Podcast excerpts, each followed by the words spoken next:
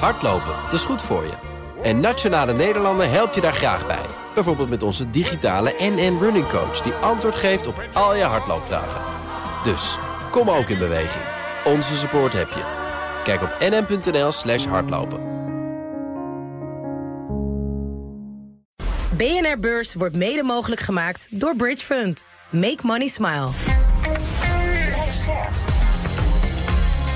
BNR Nieuwsradio. BNR Beurs.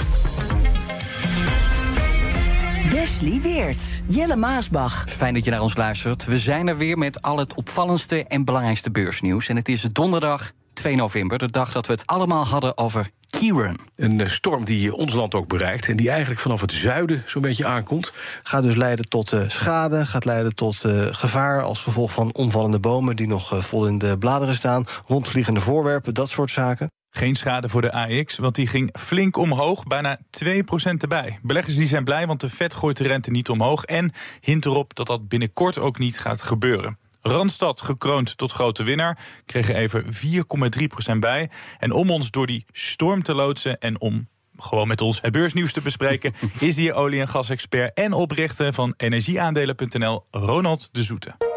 Straks gaat het over Shell en zijn nieuwe autostrategie. Minder duurzaam en meer olie en gas. Go to hell, Shell, don't you come back no more,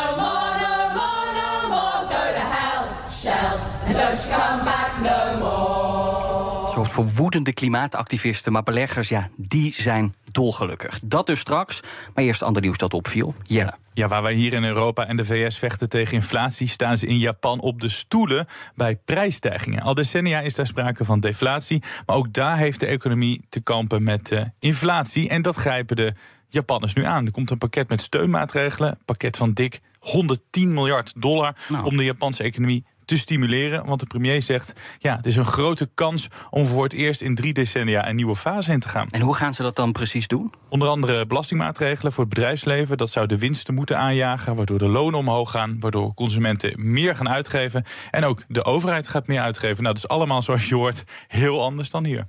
Ja, dan naar het uh, waardevolste beursbedrijf van Europa. En dat bedrijf is weer een beetje waardevoller geworden. Farmaceut Novo Nordisk. Profiteert natuurlijk van die afslankhype, overgewaaid uit Hollywood. Want Kim Kardashian, maar bijvoorbeeld ook Elon Musk... die beweren dat ze kilo's zijn afgevallen met ja, het slikken van diabetesmedicijnen. En dan gaat het onder meer om het medicijn Ozempic. En zo'n beetje iedereen met overgewicht... ja, die lijkt nu zijn hoop te hebben gevestigd op deze... ja, volgens sommigen wondermiddelen. Ja, en het blijkt dus een ware goudmijn te zijn voor de maker. Want in het uh, derde kwartaal schoot de omzet met bijna 30% omhoog. En die fabrieken die kunnen die gigantische vraag niet aan. En het wordt ja, nog een beetje erger, want ook die vraag volgend jaar neemt verder toe. Wes, even iets heel anders. Ik ga morgen dit geluid horen.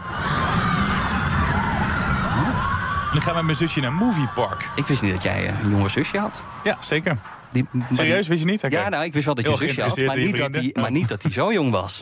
nee, ze is boven de 30, maar ik oh, noem dat nog altijd oh, jullie gaan uh, toch uh, dan naar een attractiepark. Nou, over pretparken gesproken. In de VS gaan twee pretparkbedrijven fuseren.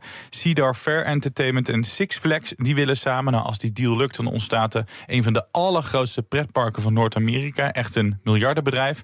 Samen hebben ze 27 attractieparken, 15 waterparken, 9 vakantieresorts. En dat allemaal in de Verenigde Staten, Canada en Mexico.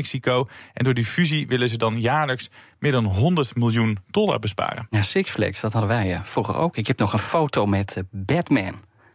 Ja, klopt. Ja, dat is echt. Dat was dan in, in Biddinghuizen. Ja. Daar, daar zat de Nederlandse vestiging. Maar dat was geen succes. Sowieso niet in Europa, want de Europese parken die zijn toen weer verkocht. Ja, in Amerika loopt het dus een stukje beter. Wat anders dan, want wat Air France KLM kan, dat kan Lufthansa ook. Want ook die luchtvaartmaatschappij heeft een superkwartaal achter de rug. En net als Air France KLM komt Lufthansa met recordcijfers. Klanten die waren bereid om veel hogere prijzen te betalen voor hun tickets dan normaal.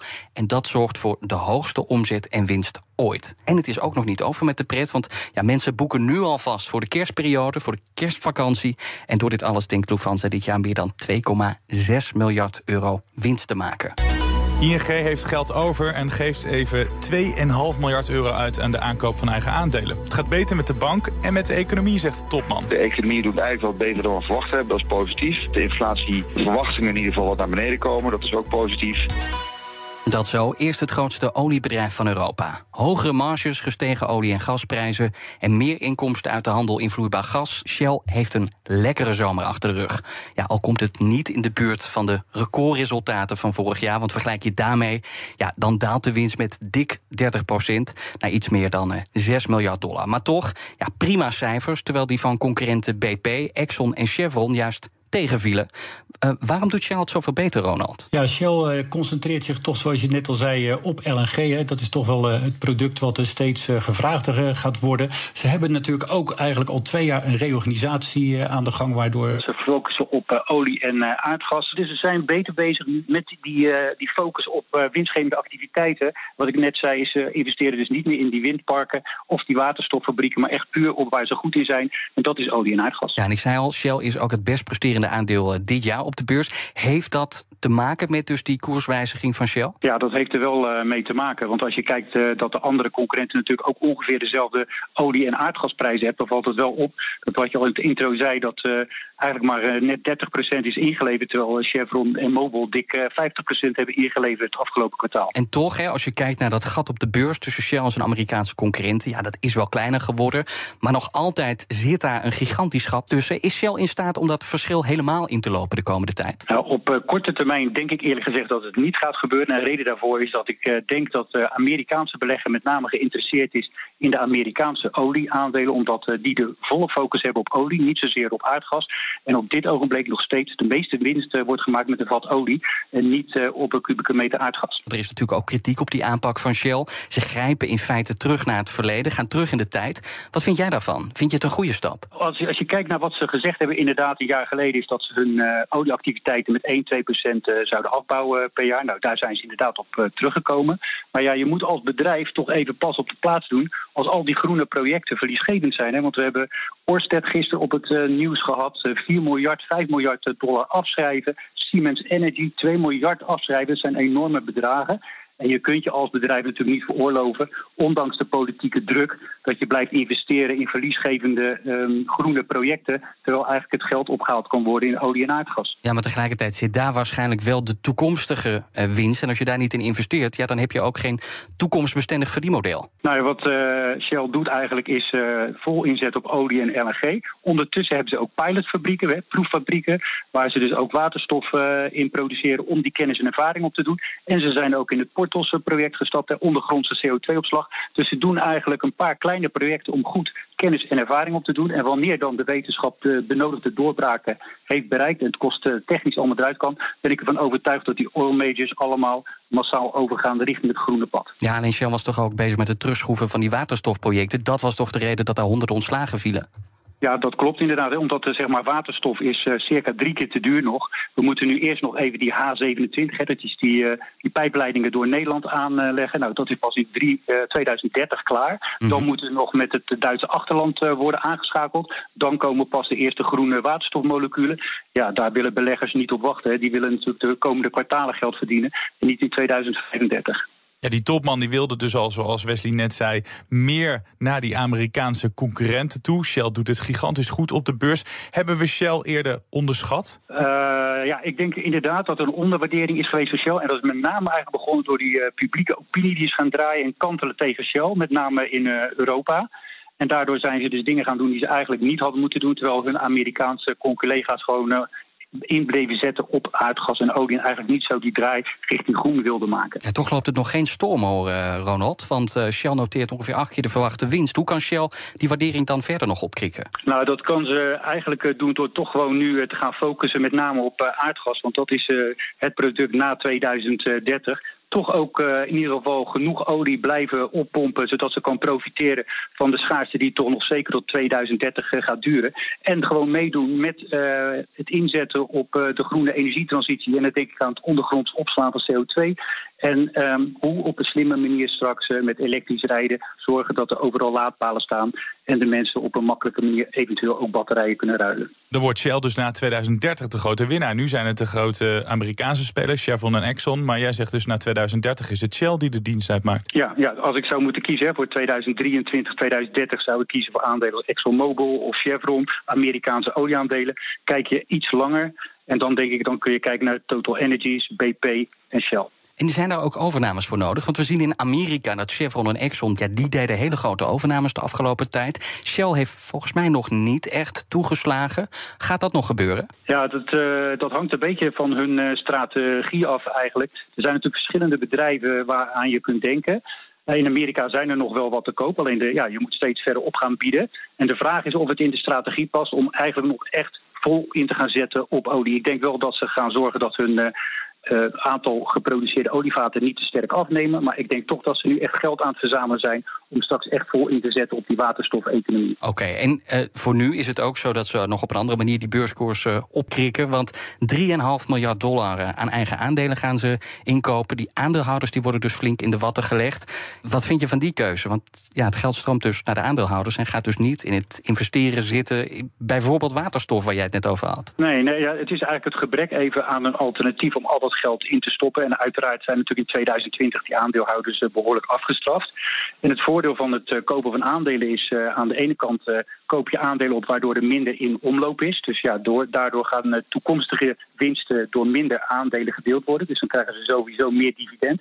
Plus als je nog je eigen aandeel inkoopt, verkrapt dat het aantal aandelen op de markt, waardoor de koers uh, vrijwel altijd gaat stijgen. Dus eigenlijk belonen ze inderdaad uh, dubbel die, uh, die aandeelhouder. Met name omdat ze eigenlijk wat slechter hebben gehad in het 2020. En ook met de hoop dat ze gewoon wat meer aandelen Shell gaan kopen in de toekomst, waardoor de koers verder omhoog kan. Shell het meest toekomstproef olieaandeel dus? Ja, voor mij wat dat betreft zeker. Met name door gewoon de enorme, de verdubbeling zelfs van de aardgasvraag tussen nu en 2040. BNR Beurs. De Dow Jones staat anderhalf procent hoger. De S&P 500 wint 1,7 procent en de Nasdaq 1,6 procent. Het was feest op het Damrak. Het is dus ook feest in Wall Street. Nog even heel kort over die pretpark waar ik het net over had. Aandeelhouders van Six Flags die zijn door dolle. 5,5 procent erbij. Van Cedar niet ruim 3% ervan af. Nou, en gek genoeg laten beleggers zich vandaag opnieuw verrassen. Want weet je nog dat we het begin deze week over Pfizer hadden, Jelle? Ja, over ja, die coronaprikken. Ja, over ja. die coronaprikken. We zeiden toen al, ja, dat is toch geen verrassing. Speelt al maanden, kwartalen lang is dat al het geval. Uh, nou, nu kwam Moderna met cijfers. En eigenlijk kwam dat bedrijf met dezelfde boodschap. Veel minder vaccins verkocht, overtollige voorraden en een miljardenverlies. Ja, en weer zijn beleggers in paniek. Al moet ik wel zeggen dat Moderna denkt dat die verliezen ook nog jaren aanhouden. Het aandeel staat daardoor uh, 7,5 procent lager. En uh, ja, van de coronabooster naar een uh, cafeïnebooster dan nog even... want het uh, aandeel van Starbucks wint juist wel op de beurs... en staat ruim 10% hoger. Beleggers belonen goede cijfers. En smerige koffie. Ja, de, ja, ik vind koffie sowieso oh, smerig. Is dat vies, dus, ja. ja, of ik dat nou van Douwe Egberts of van Starbucks drink... Nou. het interesseert me niks, maar de thuismarkt Amerika draait goed. En ook in China, de op één na belangrijkste markt... ja, daar was het drukker in de koffietentjes van Starbucks. BNR Beurs.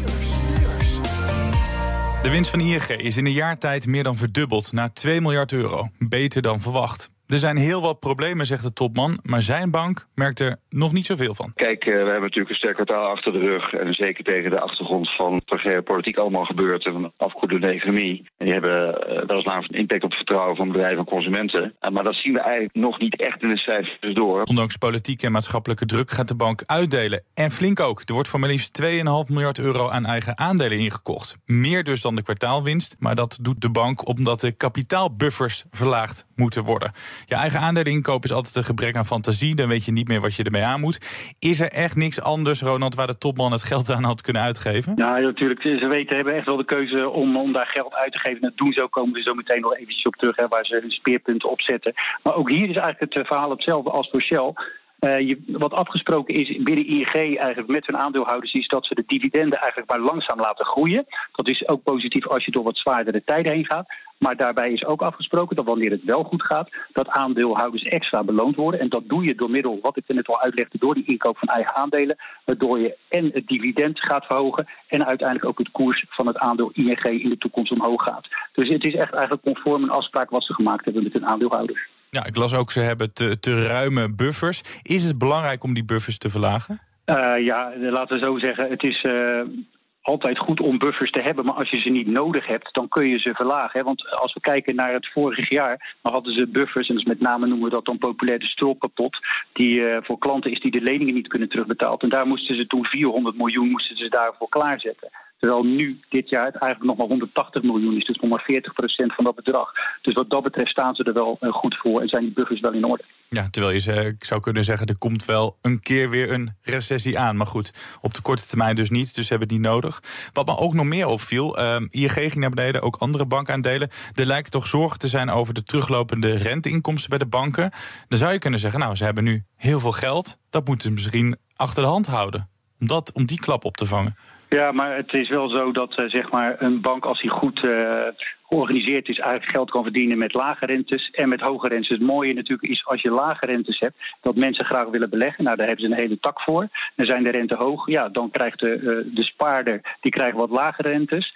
En dan kan dat duur tegen de actuele hogere marktrente uitgeleend worden. Dus eh, ze, ja, ze zitten eigenlijk wat dat betreft eigenlijk wel vaak in de fluwele s- stoel. Nog even over het eh, kwartaal, over die kwartaalcijfers. Waar verdient ING meer aan? Is dat de particulier of toch eh, het bedrijf? Ja, dat hangt dus inderdaad af van die economische cyclus waar je in zit. Hè. Zit je in een eh, situatie waar economische groei natuurlijk sterk is, dan zie je dat bedrijven in de gelegenheid zijn met hun eh, bedrijfsvoering om eh, leningen af te sluiten, om daar zeg maar de verduurzaming te doen, de groene energietransitie, al dat soort projecten na te jagen, waar veel geld voor nodig is. Zie je op momenten waar we nu eigenlijk een beetje in zitten, dat de economie wat minder hard gaat, ja, dan zie je dat ze meer uit de particuliere sector haalt, waar ze veel eh, proberen extra diensten te leveren om dat extra vermogen bij die eh, particulieren omhoog te brengen. Hoe lang gaan we nog zulke mooie cijfers zien van ING? Nou ja, dat is eh, wel een beetje afhankelijk van wat die, die rentestand gaat doen. Vandaag hadden we heel erg positief nieuws, of zo werd het in ieder geval opgevat, hè, dat we eigenlijk bij de piek zitten van de rente. Dat zou wel kunnen betekenen dat het wat lastiger wordt om die grote winstdelta tussen de spaarrekening en het uitgeleende geld eh, te blijven binnenhalen. Aan de andere kant, wat ik ook wel zie, is dat we toch eh, ja, steeds optimistischer worden over de wereldeconomie. Ja, en daardoor de bedrijven die nu eigenlijk nauwelijks geld hebben om te lenen, om al die mooie plannen waar te maken, dat die dus weer heel veel gaan lenen. En dat leidt dan weer tot extra activiteit. En daar kan ING ook weer geld aan uitlenen en ook weer zeg maar, goede marges mee halen. Dus ehm, ik denk dat eigenlijk ING voorlopig nog wel eh, goed gaat blijven presteren. Wat heeft ING zelf gezegd over die rente? Dus we hebben daar denk ik wel een inschatting over gemaakt. Maar uiteindelijk ja, is het gewoon de FED en de ECB die de rente be- bepalen. En eh, we weten wel dat hoge rentes altijd gunstig zijn voor banken. Ik bedenk me wel, we vallen jou wel lastig met de oude economie. Hè? Het gaat over bankaandelen, het gaat over olieaandelen. Ja, maar olieaandelen, daar is eh, Ronald volgens mij helemaal niet zo vies van. Nee, nee, zeker niet. Het gaat mij natuurlijk toch wel een beetje om rendement maken. En eh, we zeggen altijd, eh, volg de grote olifant, om het maar populair te zeggen. En heel, heel veel geld gaat nog steeds in die fossiele industrie. En ik zie het nog steeds gewoon als, eh, ja, als eigenlijk zekerheidje... dat al die bedrijven die we nu eigenlijk een beetje als fossiele bedrijven neerzetten... dat die binnen 10, 15 jaar absoluut de grootste groene bedrijven zijn... omdat er zoveel honderden miljarden nodig zijn om die waterstoffabrieken te bouwen... om die ondergrondse gasopslag neer te zetten, de ondergrondse waterstofopslag. Nou, dan kijken we denk ik allemaal richting die energiebedrijven... die nu eigenlijk het geld tegen die print aan hebben lopen. En het is eh, bijna weekend. Eerst nog de laatste werkdag van de week, dus ook de laatste handelsdag. Ja, en dat is er één voor de autoliefhebber. Bij Mercedes staat de winst onder druk. Audi verlaagt zijn winstdoelen. En nu is het de beurt aan die andere Duitse autobouwer, BMW. We gaan zien of ook daar de verkoopprijzen en winst onder druk staan. En uit de kwartaalcijfers van McDonald's en het bedrijf achter KFC bleek al dat we niets liever doen dan onszelf volproppen met hot wings, Big Macs en milkshakes. Maar beleggers willen weten of de Whoppers van Burger King, die andere keten, of dat net zo in trek is.